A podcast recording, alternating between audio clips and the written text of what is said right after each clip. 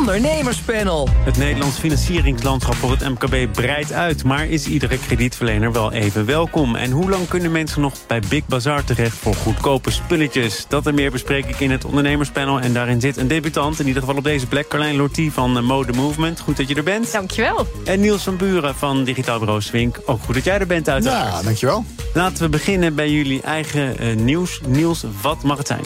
Nou, ik wilde eigenlijk even een, een quote uit een boek uh, nemen. Want ik heb voor van de week heb ik Saskia Schepers ontmoet. En die heeft een heel mooi boek geschreven. Ik heb het meegenomen. Ja, je kan het niet zien, maar het heet Als alle breinen werken. Nou, je weet, bij ons bedrijf in Swink nemen we alleen maar mensen met autisme aan. Dat heet dan neurodiversiteit.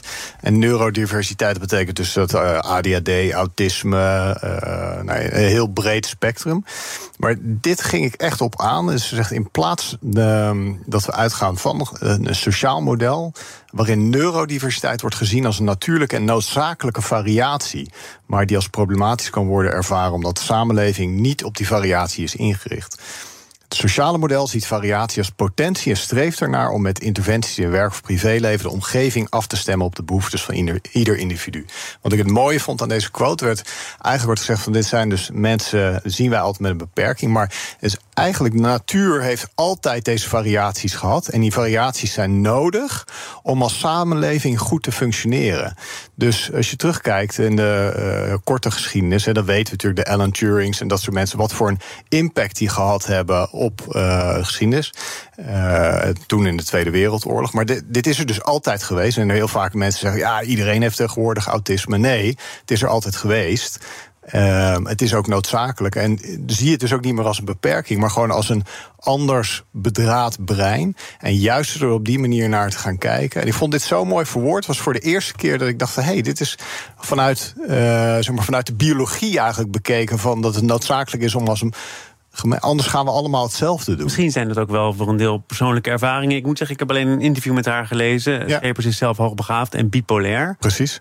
Ik las een gesprek dat ze had met uh, Sprout. Uh, en zij zegt, ik kan hard werken, ik ben heel creatief... maar een teamplayer zal ik ja. nooit worden. Ja. Uh, je bent manager, in dit geval van mevrouw Schepers. Moet je dan toch niet ook proberen om van haar een teamplayer te maken? Nou ja, dat is dus de vraag. En dat Inderdaad. is ook haar Precies. En volgens mij, het korte antwoord is: moet je dat niet proberen.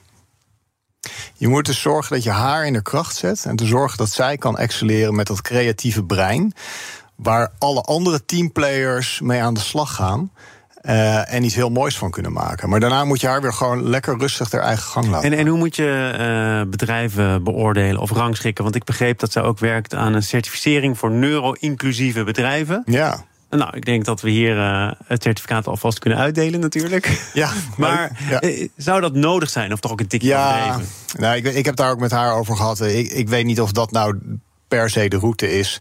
Maar het is natuurlijk ook een manier om er aandacht voor te krijgen... en ook mensen uit te leggen wat het dan daadwerkelijk is. Uh, maar juist vanuit uh, kwaliteit en kracht te gaan redeneren... in plaats van de wet die we ook hebben om uh, mensen met arbeidsbeperking aan de slag te krijgen. Dus het is allemaal geredeneerd van, oh, we mensen weet je, hebben iets en kunnen. In, in plaats dat je andersom kijkt en denkt van, oké, okay, uh, in dit geval het brein is anders bedraad. Het blijkt dat 40% van de mensen schijnt een ander bedraad brein te hebben.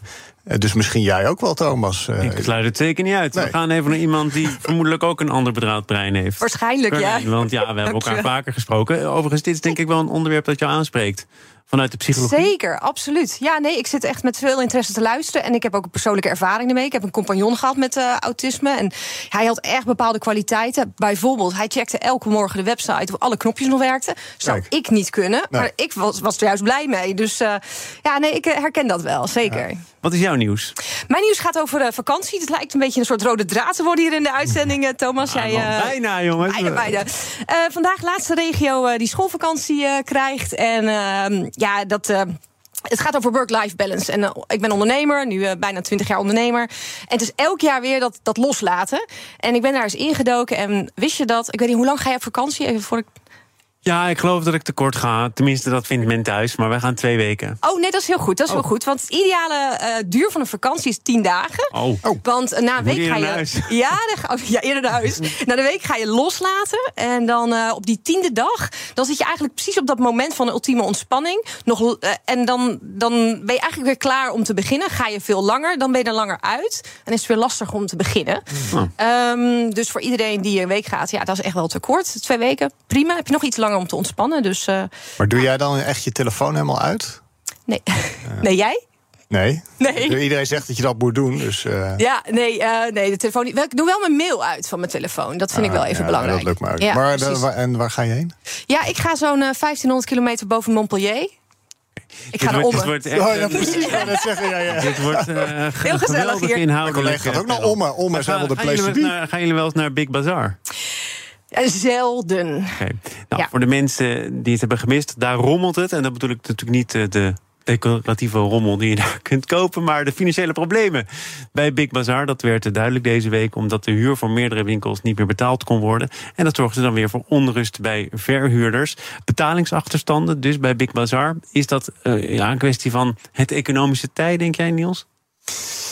Ik ben geen retail-expert, maar als ik zo lees en zo kijk, dan denk ik: en je kan de huur niet betalen. Je zit in een markt waar de marges heel dun zijn, waar de prijzen omhoog gaan. Dus ja, je hoeft ook geen raketgeleerde te zijn om ja, te snappen dat dit een moeilijke en ingewikkelde branche is natuurlijk. Hè. Nou, maar je zou ook kunnen zeggen, ook als je iets minder te besteden hebt... dan kun je juist terecht bij Big Bazaar. Maar de eigenaar zei, ja, tussen de 10 en de 11 euro... dat zijn mensen nog wel bereid om uh, uit te geven... maar producten ja. voor 16, 17 euro kun je al beter niet meer neerleggen. Maar dan hebben ze één groot probleem en dat heet Action. O ja.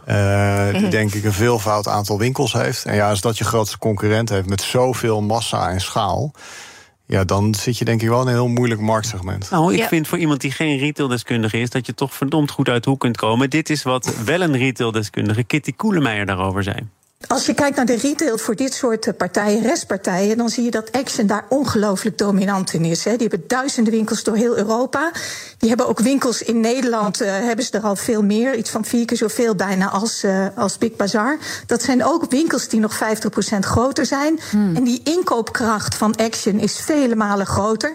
Plus, ze zitten veel meer op perifere locaties. Dus dan, dan, dan heb je ook nog de discounters die allemaal non-food verkopen. De dollar store type winkels die, uh, die om de oren vliegen. Ja, en dan moet je in dat, in dat landschap moet je dan winst gaan maken. Dat is Blokker ook nooit gelukt. Het past dus gewoon bijna niet meer naast die kolossale action. Is, is het zo simpel? Ja, het gaat echt hier om positionering. Het gaat om waar is de Big Bazaar, waar is die van? ik ben er wel zelf ook wel eens naar binnen gelopen... en heb je een heel tijdelijk karakter. Van er staan dozen, eh, je moet wat spullen pakken. En ik snap wel waarom die die 10 euro uh, noemt. Want Eén uh, groot probleem, uh, personeel. Personeel in de winkels. En als jij niet aangesproken wordt, je wordt niet geholpen... Je wordt, hè, er is geen service, dan, ja, dan verkoop je ook veel minder. Dus uh, ze zeggen wel dat ze heel veel bezoekers krijgen... maar ja, als die besteding per bezoeker heel laag is... Ja, dan, dan red je het ook niet. Dus ik denk bij Big Bazaar gaat het echt vooral om positionering... en natuurlijk die externe factoren, maar ook het, het personeel... Wat het zijn wel 125 winkels, hè? ik ja. snap het. Vergeleken met Action is nog wat klein duimpje... Maar het is ook niet helemaal niks. Nee, nee. Het is, nou, het zit wel volume. Over, over die. Dat vind ik wel interessant. Ik heb al eens een keer de, de CEO van Action horen vertellen. Ja. Met die dozen en zo. Hè, dat, dat, is, dat is gewoon dat is hun strategie ook. Hè? Dus dat je, je, dat je het zelf moet pakken, want daardoor voelt het goedkoop. Weet je? Dat je vond dat fascinerend. Maar dat verwacht je ook. Bij, ja. die, bij de action verwacht je dat ook. En bij een Big Bazaar, ja, um, sommige dingen die, die verplaatsen gewoon dagelijks. Ja, en ja. Dan, dan is het inderdaad niet duidelijk. En ja, komt de stiekem toch vaker? Nee hoor, nee, nee, zeker, zeker niet. maar ik, moet, ik moest ook denken, want het was van Mirage Retail. Ja, uh, van Witteveen, dus Witteveen, ja. van Blokker. Ja, die wilde er ook al van af. Dus het was toen ook al niet heel duidelijk wat, wat er mee moest gebeuren. Dus um, kijk, we hebben het er nu over alsof het uh, verdwijnt. Maar ja, er zijn wel degelijk problemen. En. Um, nou, ik weet niet of het verdwijnt, maar er zijn wel een, uh, een paar winkels die op de nominatie staan om uh, of te sluiten of waar dat al uh, is bezegeld, dat lot. Want het gaat om twee winkels, meen ik, die binnen twee weken volledig bezem schoon moeten worden opgeleverd en ja. dus moeten worden ontruimd. Is het terecht dat het op een gegeven moment ook voor de verhuurders te dol wordt. Er wordt niet meer betaald. Uh, er is een rechtszaak uh, nu aangespannen. Uh, waar volgens mij de eigenaar van Big Bazaar ook schitterde door afwezigheid. Want helaas was niet goed in de agenda gekomen. Hoe kom je daar nou een beetje netjes uit? Huurder ja, maar dat is op zich niet. Een, de, de vraag is: wat kun je allemaal verwachten van een verhuurder? Kijk, in de coronacrisis werd natuurlijk ook allemaal naar de verhuurders gekeken. En die hebben toen ook wel wat gedaan her en der. Alleen ja, je kan natuurlijk in goed overleg gaan. Ik neem aan dat ze dat ook gedaan hebben. Dat las ik ook een beetje in het persbericht. Wel eenzijdig natuurlijk. Maar ja, ik kan me voorstellen als verhuurder dat je op een gegeven moment ook moet eh, denken van ja, hoe ver ga ik hiermee door en wanneer trek ik de stekker eruit? Dat, uh... ja. Die, die huur is natuurlijk belangrijk, hè? speelt een grote rol. Zeker als je het aan Big Bazaar vraagt. Toch nog even Gert-Jan Slop, hij is van Locatus, retail vastgoedbureau. Die heeft tegen de ondernemer gezegd... we zitten nog steeds in een markt waar de macht bij de huurder ligt. Zeker in gebieden met veel leegstand. In coronatijd zijn er ook forse huurverlagingen afgesproken. En bovendien maakt de huur gemiddeld 10% van de kosten uit voor winkeliers. En dat betekent als de huur 10% stijgt, is dat 1% van de kosten. Mag je daar dus ook niet al te veel gewicht aan hechten en hangen? Nou, daar moet zeker gewicht aan gehangen worden. Het heeft ook te maken met, uh, um, gaat een verhuurder ook mee met nou ja, de, de, staat van het bedrijf? Kijk, kijk het naar de vastgoed en de retail vastgoed. Even ingelezen, en ik ben ook geen retail of vastgoed expert. Maar dan lees ik wel dat bijvoorbeeld uh, Rick Jansen, woordvoerder van de Wereldhaven uh, vastgoedinvesteerder, zegt van joh, onze uh, huren zijn ook gestegen. En de winst is vorig jaar met 27% gestegen. Ja, geïndexeerd natuurlijk. Geïndexeerd op de inflatie eigenlijk. Maar als een bedrijf dus niet uh, zijn resultaten ook dusdanig laat groeien, ja, dan krijg je echt wel een groot verschil. En dan wordt die strop steeds, uh, steeds groter. Dus um, ja, ik denk dat het wel zwaar weegt, maar dat gaat echt over het ondernemerschap van uh, BB Retail in deze. Ja. Hoe loopt dit af, retaildeskundigen aan deze tafel? nou, volgens mij is de conclusie, dit ziet er niet goed uit. Nee, oh. dat, denk ik ook niet. Nee, nee.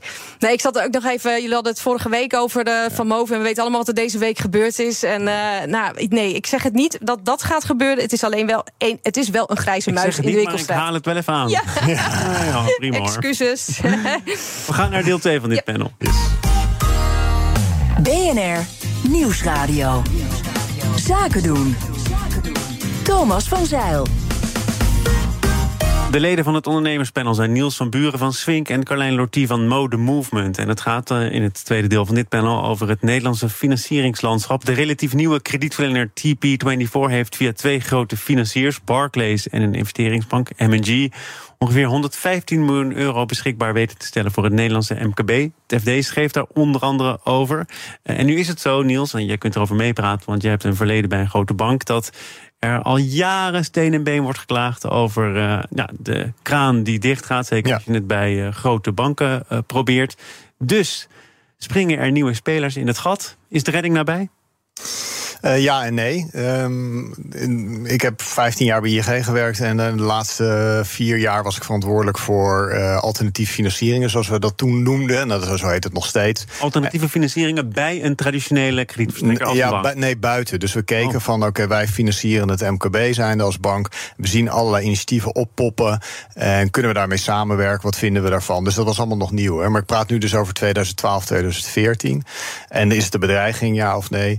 Nou, en dan kijken we, zijn we nu bijna tien jaar verder. En gelukkig heeft er, eh, is daar uh, zijn er best wel wat partijen bijgekomen die ook wel het nodige doen.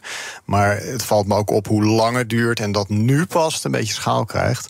En dat als je naar dit soort bedragen kijkt, dat is natuurlijk veel geld. Maar het is een druppel op een gloeiende plaat. Kijk, de gemiddelde banken, dus ABN, ING, Rabo, die hebben miljarden uitstaan bij het MKB.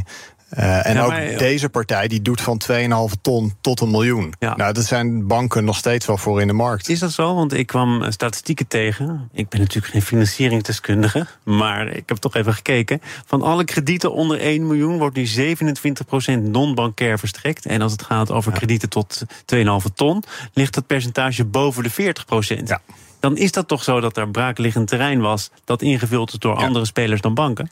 Ja, ik denk dat het heel erg komt omdat zij zijn heel erg met uh, dat uh, know your customer en, uh, en het witwassen bezig. Dat je, ja, als jij als ondernemer überhaupt een bankrekening zou willen aanvragen of daar krediet zou willen, je wordt eerst van voor tot achter doorgelicht. En het duurt eigenlijk te lang. Het is voor ondernemers soms heel belangrijk om sneller geld te krijgen. En daardoor komen al die alternatieven in de markt. En wat denk je van die alternatieven? Is dat altijd ja, het wiel dat je moet kiezen of niet? Nou, het, het, is volgens mij juist heel belangrijk dat je een combinatie maakt van datgene wat bij jouw businessmodel past, bij jouw groeimodel.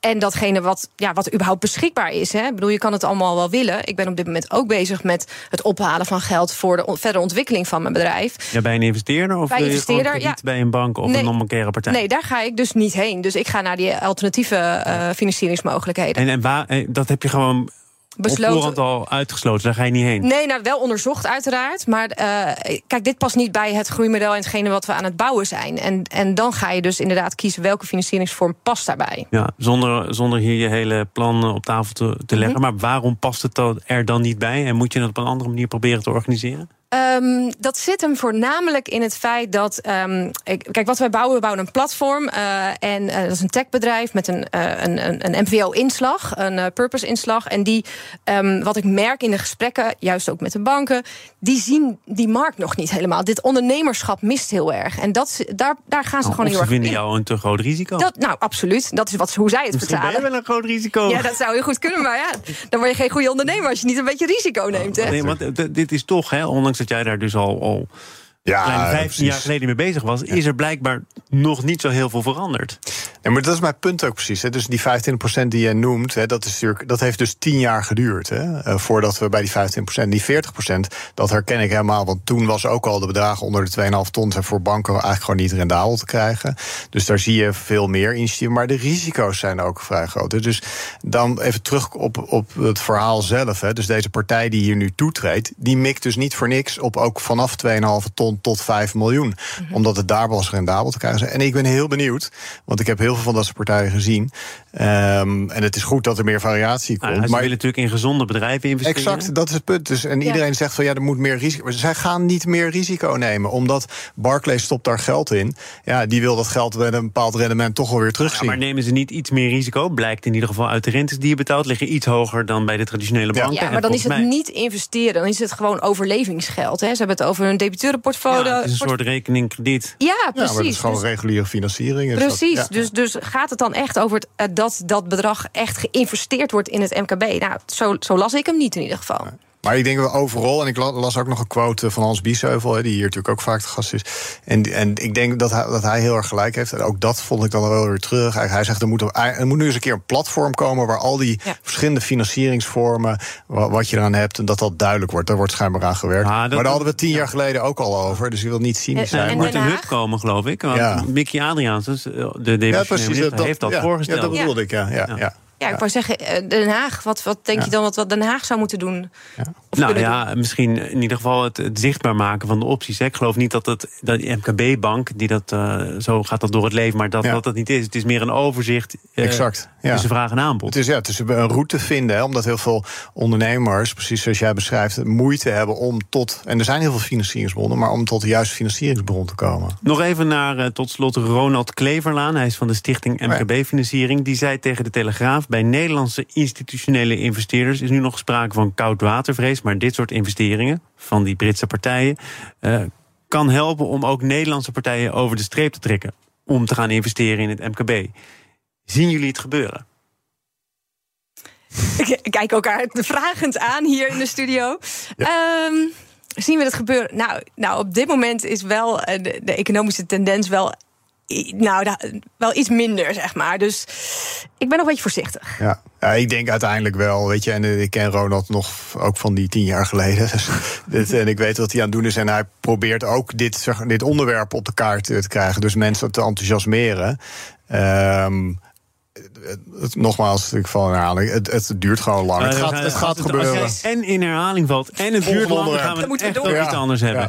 Namelijk over de uh, valse, duurzame beloftes van deelscooterbedrijf Felix. Dat is in ieder geval het oordeel van de reclamecodecommissie. Ze mogen uh, zich niet langer duurzaam, schoon of groen noemen.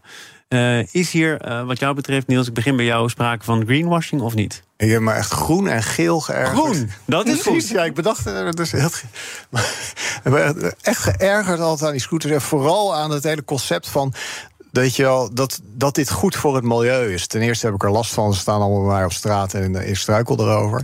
Maar, ja, maar dat is iets anders. Precies. Maar zeg gewoon dat je gewoon een, een, probeert een behoefte in te vullen... die er misschien eigenlijk niet echt is. Maar goed, die probeer je in te vullen en daar wil je heel veel geld aan verdienen. Maar om dan dat te, te zeggen dat dat Wat is er niet groen aan dan? Dat is een elektrische scooter. Ik, ik, ik zal vast zeggen, de stichting Scootervrij... die misschien toch ook niet helemaal neutraal in deze zaak staat... zegt ja, het, het gaat niet alleen om het, om het gebruik. Zo'n deelscooter wordt intensiever gebruikt... en is daardoor iets minder schoon dan de gemiddelde elektrische scooter... maar het gaat vooral om het productieproces. Ja, zo kun je natuurlijk bezig blijven. Ja, maar het gaat volgens mij ook vooral om het feit, en dat is al vrij lang bekend, en daar hebben een aantal gemeentes onderzoek naar gedaan, is dat zijn, de mensen die het gebruiken zijn vooral mensen die normaal met de voet, met het OV of met de fiets zouden gaan. En die denken, nou, dat is handig. Dus ja, maar, maar daar wordt een scooter toch niet uh, duurzamer of minder duurzaam nee, van? exact. Maar zij zeggen natuurlijk, ja, we halen mensen uit de auto. Nou, twee dingen. Eén, inderdaad, uh, je vervangt dus niet de auto, want dat is hun claim, zeg maar. En. Um, het andere is, en daar heb ik even, ben ik echt even ingedoken in die oprichters van uh, Felix, Quinten Selhorst en Maarten Poot. Die geloven echt werkelijk hè, dus, uh, dat zij een, een, duurzame oplossing bieden. Dat zij uh, groen bezig zijn. Dat zij, als je ook echt hun een website leest, de twee derde gaat daarover. Dus zij zijn nu twee keer op de vingers getikt door de reclamecodecommissie. Um, helpt dat? Nou, niet als de kern maar, van maar het bedrijf. jij gelooft het niet. Nou, nee, ik denk, ik denk dat zij het heel erg geloven. Daar, daar gaat het om. En daarom veranderen ze dat dus niet. Of veranderen ze misschien een toontje. Maar zij geloven in de kern dat, dat zij wat zij bijdragen een duurzame, schone oplossing is. En dat vind ik fascinerend. Want dat is al twee keer dus bewezen, of dat is in ieder geval aangetoond, dat dat zo niet uh, gaat. Ja. Dus zij moeten een taal gaan veranderen, wat eigenlijk zo geïnterneerd is in dat bedrijf, in die cultuur, in hun hoofden. En uh, Quinten staat dan niet meer aan het roer, dat is nu Daan Becker. Maar die zal het wellicht zo mee hebben gekregen. Het staat nu nog zelfs op hun website, dat het groen en duurzaam is. Als je de taal verandert, blijft toch steeds nog overeind dat die scooter niet duurzaam is of minder duurzaam. Ja, maar zij ja. geloven daar werkelijk waar, zij geloven daar wel in. En dat is precies waar het hier over gaat. Dus ze kunnen op honderd keer op de vingers getikt worden. Maar op een gegeven moment, er zijn uh, de mensen gebruiken om een andere reden deze scooters. Precies wat jij zegt, Niels. Het is ook een luiigheid. Hè? Ja. Dus uh, even snel naar uh, ergens anders heen. Dus, maar het um, was niet alleen een slechte week voor Felix. Je zou zeggen, misschien van wel voor de tweede keer op de vingers getikt. En als dat nog een keer gebeurt, dan komen ze op de non-compliant lijst en kunnen ze bij gerenommeerde media geen reclame meer inkopen. Maar. Amsterdam, de hoofdstad van Nederland, maakt deze week bekend meer deelscooters toe te willen laten. En waarom? Dat is goed voor een betere spreiding over de stad. En omdat de kans kleiner is dat mensen die opgroeien met deelvoertuigen, ook deelscooters, later een privévoertuig aanschaffen. Ja. Dus wat is nu de slotsom van het verhaal, Niels? Ik wil terug een beetje op jouw punt komen. Oh, Volgens nou, mij nou, moeten zij. vraag Mijn slotsom zou zijn, is dat deze ondernemers ook gewoon eerlijk moeten zijn. En ook als je er dus achter. Het is ook niet erg als je van ja, nee. Ik geloof oprecht dat ze met die intentie begonnen zijn. En ik dacht ook dat het beter. Nou, blijkbaar werkt het dus niet. En dan moet je op een gegeven moment zeggen: ja, oké, nee, het heeft een andere uitwerking. Het is nog steeds een fantastische oplossing. En er zijn heel veel mensen die er gebruik van maken. We hebben een mooi bedrijf. En misschien is het inderdaad voor toekomstige generaties, maar dat moet nog blijken. Uh, is het inderdaad goed om met deelvoertuigen op te groeien en niet dat je alles moet hebben? En een prachtig voorbeeld dat je wel degelijk aansprakelijk bent uh, voor de hele keten. Ja. Dus, uh, Dus- dit laat het weer een voorbeeld zijn voor andere ondernemers. Ja. Carlijn Lortie van Mode Movement en Niels van Buren van Digitaal Bureau Swink. Dank voor jullie deelname aan dit panel. Dankjewel. En dat panel is trouwens ook te beluisteren als podcast. Abonneren is eenvoudig. Het kan via je favoriete kanaal of de BNR-app. Zometeen nieuwe bedrijven met nieuwe claims in BNR Zaken doen.